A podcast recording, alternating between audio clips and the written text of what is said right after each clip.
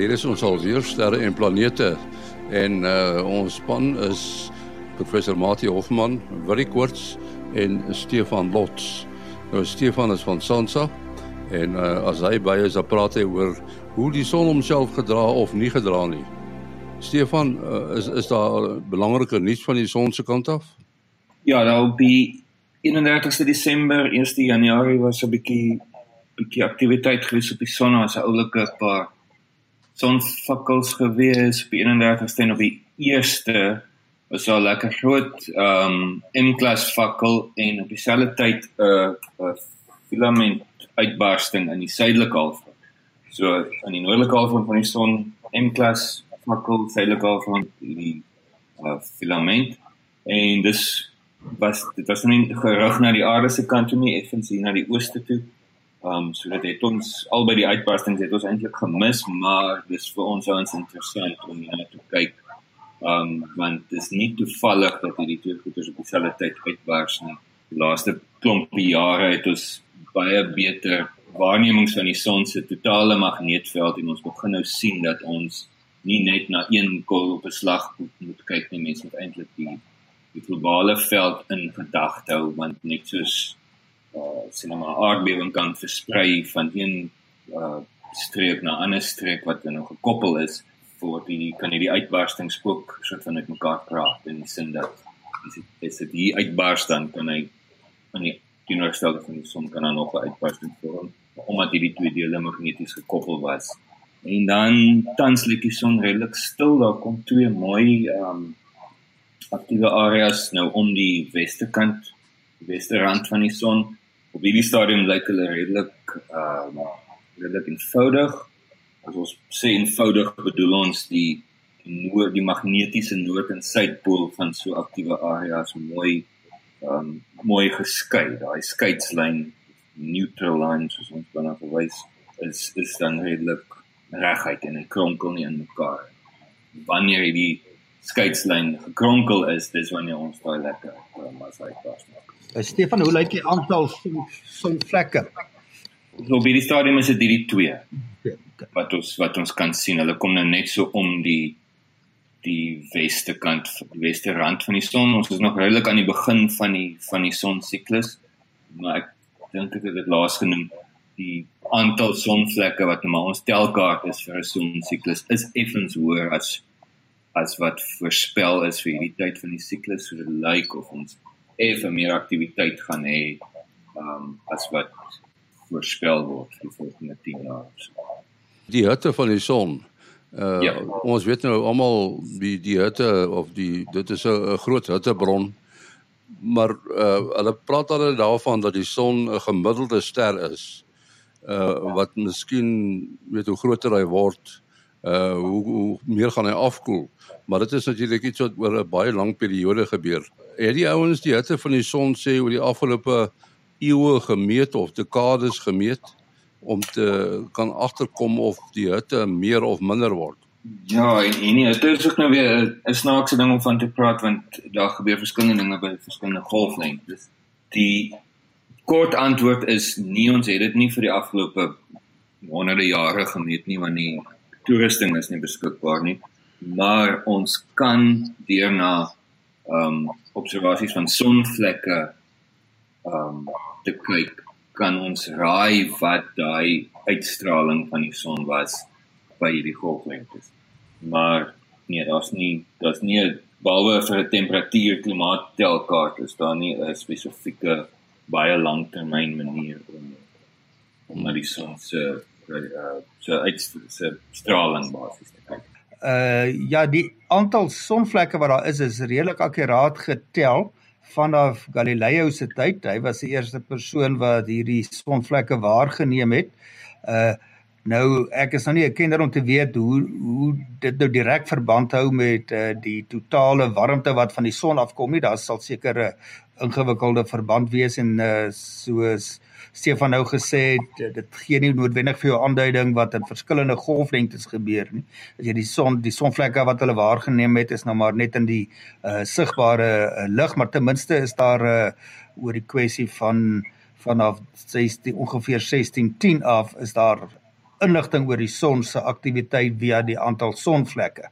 Maar uh die waarneming van sonvakkels en uh ander metings wat nou direk die energie wat van die son af hier by ons aankom, dit is nou maar meer die laaste bietjie meer as 'n eeu wat dit seker moontlik gewees het.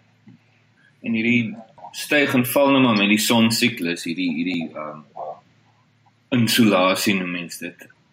Dis nou maar die, die hoeveelheid sonlig krag in, in terme van watts per vierkante meter.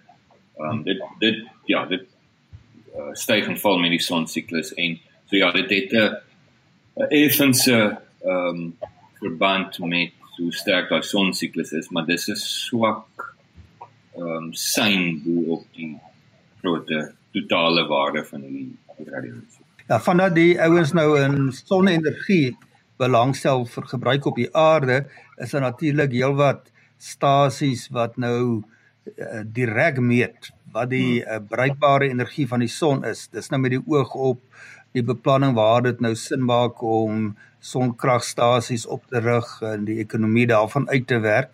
Ek weet hier in Suid-Afrika is daai heelwat kaarte opgestel. Daar was op 'n stadium uh, 'n groep by Universiteit van Stellenbosch wat sulke metings gedoen het. Hulle het ook 'n meetstasie by ons universiteit uh, in Bloemfontein op die kampus gehad. Uh, en hulle het nou dag vir dag het hulle ge, uh, geautomatiseerde metings gedoen en ek dink dit is dit sal al daai data sal sekerlik beskikbaar uh, gestel word vir navorsers. So ek reken na nog so 'n paar dekades of nog in ons leeftyd sal hulle kan sê wat is die tendens en hoe dit nou dan kan mense dit nou korreleer met die ander waarnemings van die son. Ehm uh, en van daardie studies is seker al gedoen. Ek is dan net nie so paraat om uh te weet wat die bevindinge is nie.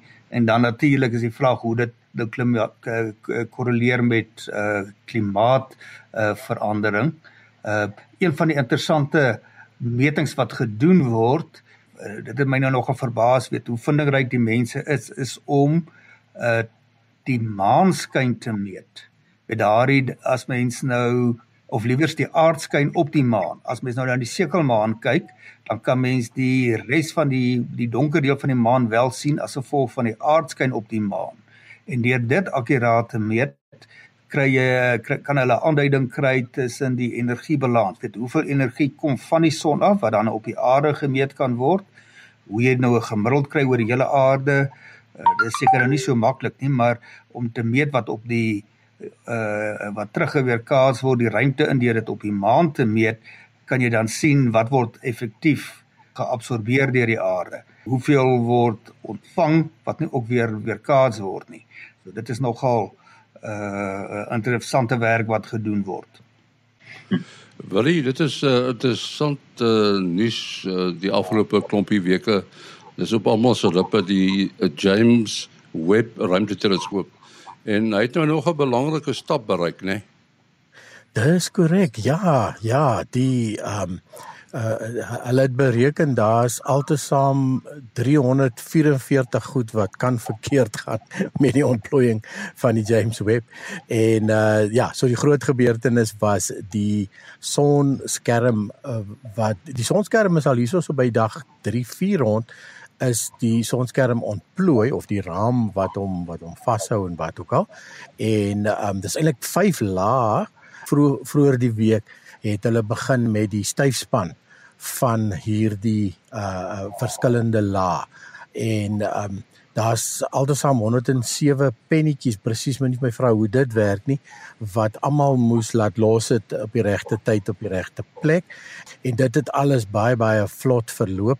Dit is ook een van die goed wat jy nie op aarde kon juist toets nie as gevolg van swaartekrag en ek meen hulle het dit uit die hart van die saak soveel as moontlik getoets hierso maar die een die een vektor wat jy nooit kan ontslaa raak van op die aarde is 'n um, 'n swaartekrag nie.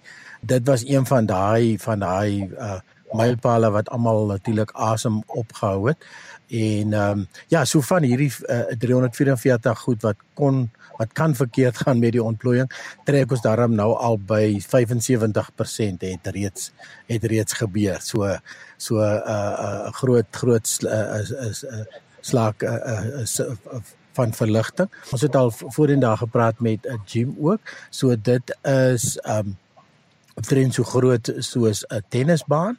Um wat hulle um mense uh, uh, ken die space blankets hierdie wat jy gebruik in jou noodhulp um so 'n blink dun papiertjie. Um dit is gewoonlik mylar hierdie in die geval is dit captain is maar net 'n ander tipe baie dun plastiek en uh, dit is met met aluminium uh, blink gemaak. Die la is dan nou styf getrek. Ja, interessant, as 5 la, die eerste en die naaste aan die son is ook die grootste een en dan word hulle gaande weg uh, kleiner. Uh die een wat na die son toe wys is ook die platste en en gaan dan uit die hart van die saak ook van die meeste van die uh, van die gewig ontslaa raak. Ag af van die van die son uh se weerkaatsing. Um na die eerste uh weerkaatsing is daar uh raak jy reeds van 95 van 90% van die son se energie ontslaa en dan gaande weg raak dit raak dit dan dan al hoe al hoe meer energie wat jy ontslaa raak. So die die uh die sonskerm gaan 300 kW uh sonlig ontvang en aan die ander kant waar die uh, teleskoop self sit gaan hom maar 23 milliwatts uitkom. So as jy nou vat uh, 300 000 watt skyn hierdie kant en uh 23 duisendstes van 'n watt is dan aan die aan die teleskoop uh, kant. So dit is uit die aard van die saak om die teleskoop en dan ook die instrumentasie af af te koel. So daai uh webwerf wat ons laas keer genoem het Where is Web, uh baie oulike uh webtuiste wat vir jou die tyd dat die program opgeneem is um was die uh teleskoop self alhoewel dit nog eers toe styf gespan was meeste van die tyd nie. Uh was die teleskoop al by minus 150 grade Celsius. Die die gedeelte wat die instrumente in als gaan koud hou sal amper by minus 200 en um hulle hulle mik mik uiteindelik uh dat die die koue kant gaan minus 233 Celsius wees terwyl die die warm kant 85 grade Celsius. Ja, so 'n groot um 'n groot groot gebeurtenis in die in die ontplooiing van die van die James Webb teleskoop. Die volgende is natuurlik die sekondêre spieël wat gaan uitvou en en daarna die hoofspieël wat wat gaan uitvou. So ons ons hou ons hou duime vas. Uh sover wonderlik geen hakplekke gewees nie. So dit dit lyk asof dit alles perfek werk. Ja. Ek wil ek wonder nou wat dit sou kos om so 'n sonskerm in die somer oor 'n mens se huis kon te kon span. Want dit is dan net ongelooflik. Maar dit is nou so jy het gesê dis 5 lae. Ehm um, ek het gesien dit is die die die afstand tussen die buitenste en die binneste laag is omtrent 2 meter en die gaping is omtrent 0.5 meter tussen die verskillende lae. Uh maar ek is verstom dat dit dit wat deurkom aan die binnekant regtig in die milliwatts is. Dit is absoluut uh uitstekend. Nog steeds met die James Webb teleskoop. Ons uh, weet nou dat hy op pad is na L2. Matie, ek kry nou nogal vrae oor oor hierdie hierdie hele L2 kwessie. Want uh meeste mense dink en met regte ook dat as jy wentel, dan moet daar 'n vaste punt wees. Hoe kan dit ding om 'n punt wentel wat nie 'n vaste punt is nie? Uh nee ja, hierdie daar een van ons uh gereelde bydraers op die sterre en planete groepe diens van Greuning het 'n baie oulike diagram gedeel daar gedeel wat nou hierdie kwessie mooi verduidelik wat nou die uh vyf Lagrange punte wys. Uh nou wat mense jou nou moet voorstel is, ek weet ons weet as jy naby die aarde is, wil jy na die aarde toe val. Maar as jy nou net ver genoeg van die aarde af weg beweeg, dan wil jy na die son toe val. So iewers begin die son dan 'n groter krag op jou aanwend as as die aarde. En dan tis iewers by die L1 punt presies tussen die aarde en die son, ehm um, is daar so 'n uh, 'n uh, 'n punt waar die uh, aarde se krag en die son se krag presies balanseer. Nou mense kan so daaroor dink en vir jou so 'n prentjie voorstel. Stel vir jou voor die son is in die middel van 'n groot vallei. En as jy naby genoeg kom, as jy oor die rand van daai vallei gaan en dis nou 'n mooi gladde vallei, dan wil uh, wil jy daar afrol.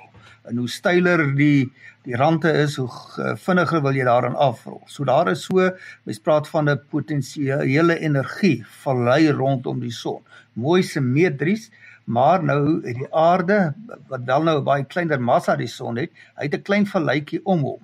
So die aarde sit so hier op die rand uh van hierdie vallei amper uh waar die vallei nou bietjie begin platter word, nie so vreeslik styl walle het nie. So nou kan jy uh, sien as jy nou van die aarde se vallei nou in die rigting van die son beweeg, dan gaan jy so oor 'n hoogte en presies bo op die hoogte is dit vir 'n rukkie plat. Nou die uh die die Lagrange punte is as ware uh daar waar dit redelik platterig is, so plat soos 'n plateau. En dit geld ook vir die L2 punt wat nou net teenoorgestelde kant uh, van die aarde as die son is. Dit is nou weer op die rand van die aarde se klein vallei wat nou ingebed is in die groot vallei, die wal van die groot vallei van die van die son. So dis nie 'n dat daar 'n vreeslike uh kom sien nog 'n klein valleitjie is nie. Dis soos op 'n plateau En as jy nou net daarso sou wou hang en nou moet ons dan gedagte hou die aarde beweeg om die son. So hierdie Lagrange punte beweeg saam met die aarde om die son. Die son is die dominante invloed. Ehm uh, eintlik draai alles om die swaartepunt van die son, maar die swaartepunt van die son is so naby aan die son dat dit binne in die son is. Ehm uh, met die posisie van die swaartepunt wissel so bietjie wat op sigself 'n interessante uh, onderwerp is. So as jy nou daar bo op die plateau sou wees is nie stabiel nie. So om in 'n stab, stabiel daar te bly, moet jy maar in 'n klein wentelbaantjie daar gaan. Die presiese grootte van daai wentelbaan maak nou nie saak nie. Uh dan moet nou net beso 'n gedagte hou, daar's ander instrumente ook daar. Uh en elkeen moet nou maar 'n plek kry. Ek dink jy daar sal ek nog nooit gehoor van 'n gevaar dat hulle met mekaar gaan bots nie. Die ruimte is groot en daar's nie naaste by soveel voorwerpe daar as wat daar satelliete rondom die rondom die aarde is nie. Uh Stefan het eh, so toe ons vooraf gesels het, het hy nogal uh ook 'n paar interessante dinge genoem oor die Lagrange punte en 'n sending waarby hulle betrokke is wat by een van die Lagrange punte is. Uh Lagrange punte soos jy sê, dis hierdie amper dooie kolle in tussen die aarde en en die son of tussen enige twee liggame waar die gravitasiekrag tussen hierdie twee effektief uitkansel word en soos soos jy dan nou sê omdat die aarde veel kleiner en veel ligter is die son is is daai punt tussen die son en die aarde ons noem dit L1 so die eerste Lagrange punt. Um hy is 1% van die pad son toe. So hy is, hy sit 1% stroom op um van die aarde af in die sonwind en dan dis waar die satelliete wentel wat ons gebruik om na die son te kyk want hierdie omdat hierdie Lagrange punte rondskuif soos die aarde om die son beweeg. As as die satelliet dan om hy L1 punt wentel, bly hy altyd stroom. Ek dink die die vraag uh van die luisteraar het ook gevra hoekom hoekom wentel hierdie satelliet dan om hierdie dooie punt? Hoekom gaan sit hy nie net by hierdie dooie punt? Um en die die antwoord daarvoor is nou kyk ons kan nou baie diep wiskundige gesels maar ek dink dis 'n goeie ding om dit sommer aan te kleef. Die kort antwoord is dat ehm um, die wiskundige oplossing van hierdie probleem. Met ander woorde, waar gaan daai derde liggaam, so die eerste liggaam is die son, die tweede een is die aarde en die derde een is 'n satelliet. Waar gaan daai derde liggaam 'n stabiele punt, stabiele punt te vind om hierdie ehm um, Lagrange punt en vir elkeen van hierdie Lagrange punte is daar 'n klomp oplossings vir daai vergelyking. En elkeen van daai oplossings verteenwoordig een wentelbaan om hierdie Lagrange punt. Daai wentelbane, daar's 'n stel van hulle, as party van hulle wat in die vlak met die son en die aarde lê en as party van hulle wat buite die vlak lê. James Webb sit in een van die halo wentelbane, so dis uh hy sit in die noord-suid of hy ja, hy het ook 'n noord-suid komponent. Hy sit nie in dieselfde vlak as die son nie.